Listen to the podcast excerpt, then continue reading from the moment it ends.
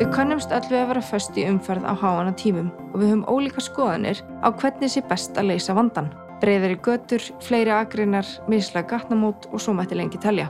En hvernig horfa þessi mál við þeim sem þekkja þessi fræði? Eru þetta réttu lausninnar eða þurfum við að fara að hugsa skipulega upp að nýtt hvernig sé best að koma okkur í og úr vinnu? Ég heiti Björghauður Albersdóttir og hjá mér er Ólug Kristjánsdóttir, byggingaverkfræðingur og sérfræðingur í samgöngum í borgum. Óluf, er hægt að leysa þetta hitamál? Já, það er hægt að gera aðstæður betri en einmitt eins og segir lausninnar eru kannski ekki alveg auðlusar og ekki kannski það sem að fólki dettur alltaf fyrst í hug. Eh, samgöngumál snerta marga og margi sem hafa miklu skoðanir en það er mikilvægt að það sé rætt við aðla sem að eru að vinna í umferðumálum í daglegum starfum sínum. Innan vegagerðarinnar og Reykjavíkaborgar eru margi sérfræðingar og fyrir báða aðla vinna líka margir frá ráðgjástofum líkt og mannviti við ímiskona verkefni og þau verkefni eru skoðu vel og valkostir metnir út frá mörgum atriðum og þetta er ekki alveg svart og hvít og alls ekki alltaf þannig að sé alltaf einn rétt laust. Maður kannski lærir það helst þegar maður skoður þetta mest. En samgöngur í borg er svolítið öðruvísi heldur en kannski samgöngur annar staðar. Og við þurfum alltaf að hugsa hlutina í samhengi við hvernig borgar umhverfi við viljum. Hvernig viljum að setja og hvernig viljum að setja framtíðar. Og við verðum að hugsa um langtíma stefnu og aðgerri sem við veljum í dag í samgöngumálum séu hluti af framtíðarhugsun og að samgöngur séu sjálfbarar til framtíðar. Ég held að þegar talar um sjálfbarar eða vistvæna samgöngur að þá hugsi flestir um rafbíla. Ég hugsa að það sem kemur upp í hugan hjá flestum fyrst. Rafbílavæðingin er mjög mikilvæg þáttur í því að gera samgöngur sjálfbarari. Því hún hefur áhrif til góðs hvað verða loftlæs áhrif og loftgæði og, og mingar söðuröksmengun. En það er samt bara einn þáttur í því að gera samgöngur sjálfbarari. Þegar við erum í borgarungverfi þá skiptir rými máli. Bara það að búa í borg, það þýðir að við búum í samniti við fólk og það þýðir að við þurfum að taka tillit til hvers annars og við þurfum að hugsa um það rými sem við tökum. Það er að segja bókstaflega hvað við tökum ekki pláss.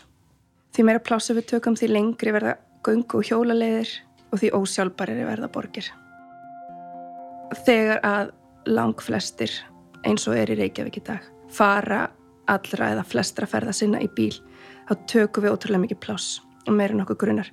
Þegar við keirum þá viljum við geta komist um ánstórvægilega að tafa. Með því þá erum við ósrátt að gera kröfu um fleiri agarinnar og breyðari götur. Við viljum geta lagt bílum okkar heima, við vinnuna, við búðina, við skólan, við leikskólan.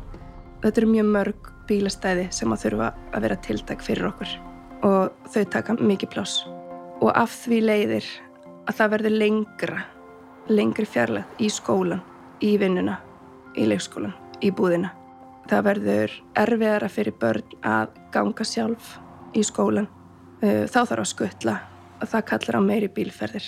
Það verður erfiðara fyrir okkur fulland fólkið að taka strætó eða hjóla í vinnuna og þannig verður þetta uruninni vítarhingur. Þau kom meira pláss vegalengdir verða lengri þannig að það er erfiðar að komast um á sjálfbaran og umhverfisvæðin hátt.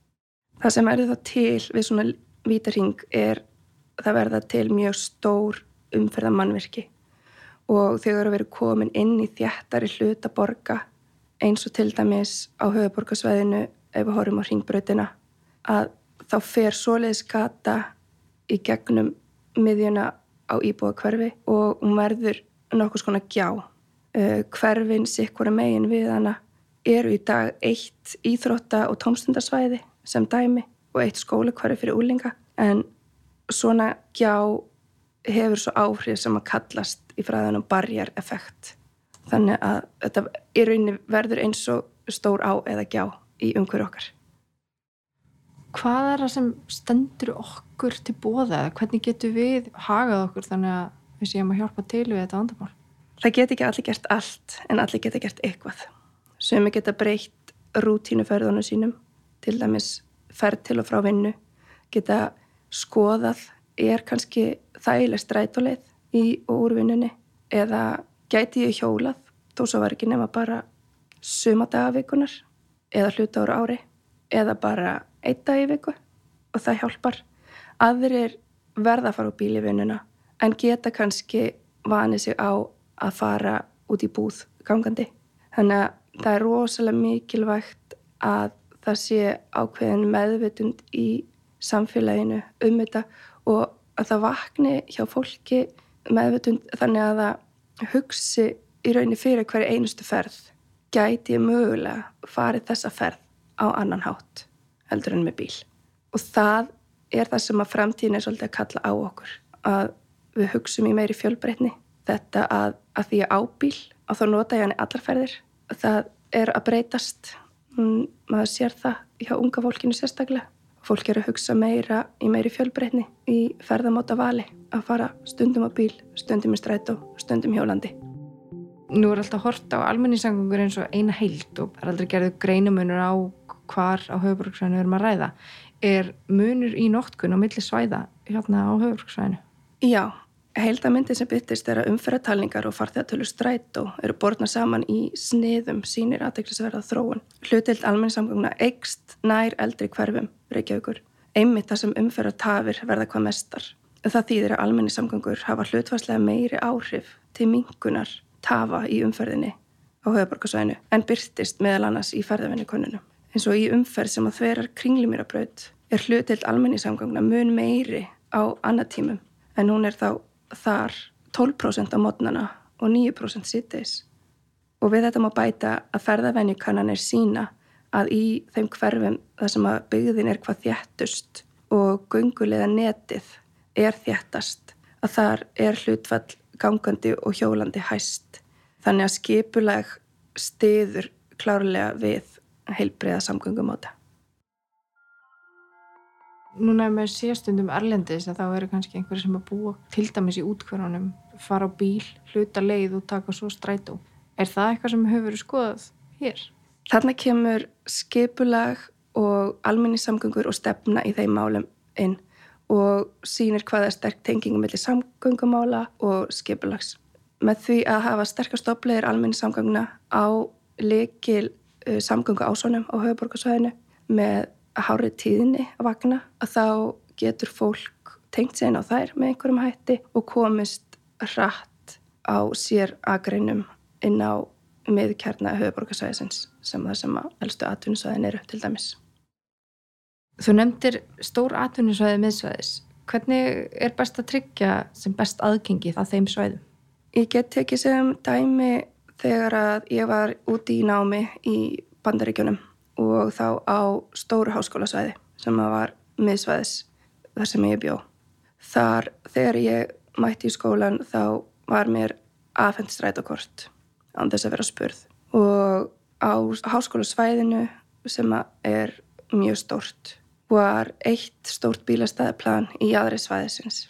Inn háskólasvæðinu voru sára fá bílastæði í rauninni bara fyrir suma starfsmenn.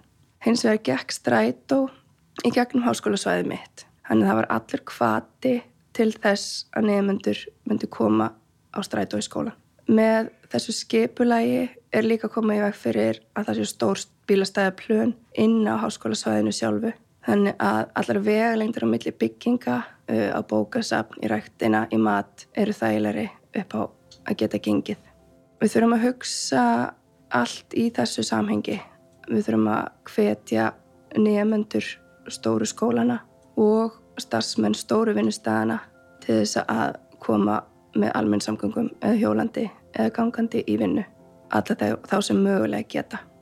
Og, en auðvitað geta það aldrei allir en það eru mjög margir sem að geta það. Þannig að það er mjög mikilvægt fyrir skóla og vinnustæði að vera með kvata fyrir almenn samgöngur og hjólreðar. Inn í þetta kemur líka í rauninni bílastæðagjöld. Það er hægt að nota bílastæðagjöld líka sem kvata til þess að fá fólk til að velja frekar vistvætni ferðamóta. En í rauninni snýst þetta aftur líka um pláss og um rými og með því að nota almenningssamgöngur eins og við erum að fara að byggja upp hér á höfuborgarsvæðinu þá erum við meira samferða og tökum minna rými og það er í rauninni besta leiðin í þjættri borg til að koma fólki á melli staða. mjög fróðlegt og augljóst að við getum gert margt til þess að reyna að leysa þennan vanda eða allavega mingan eins og staðan í dag. Ég heiti Björgur og hjá mér er Ólöf. Takk hjálpa fyrir komin Ólöf og takk fyrir að hlusta.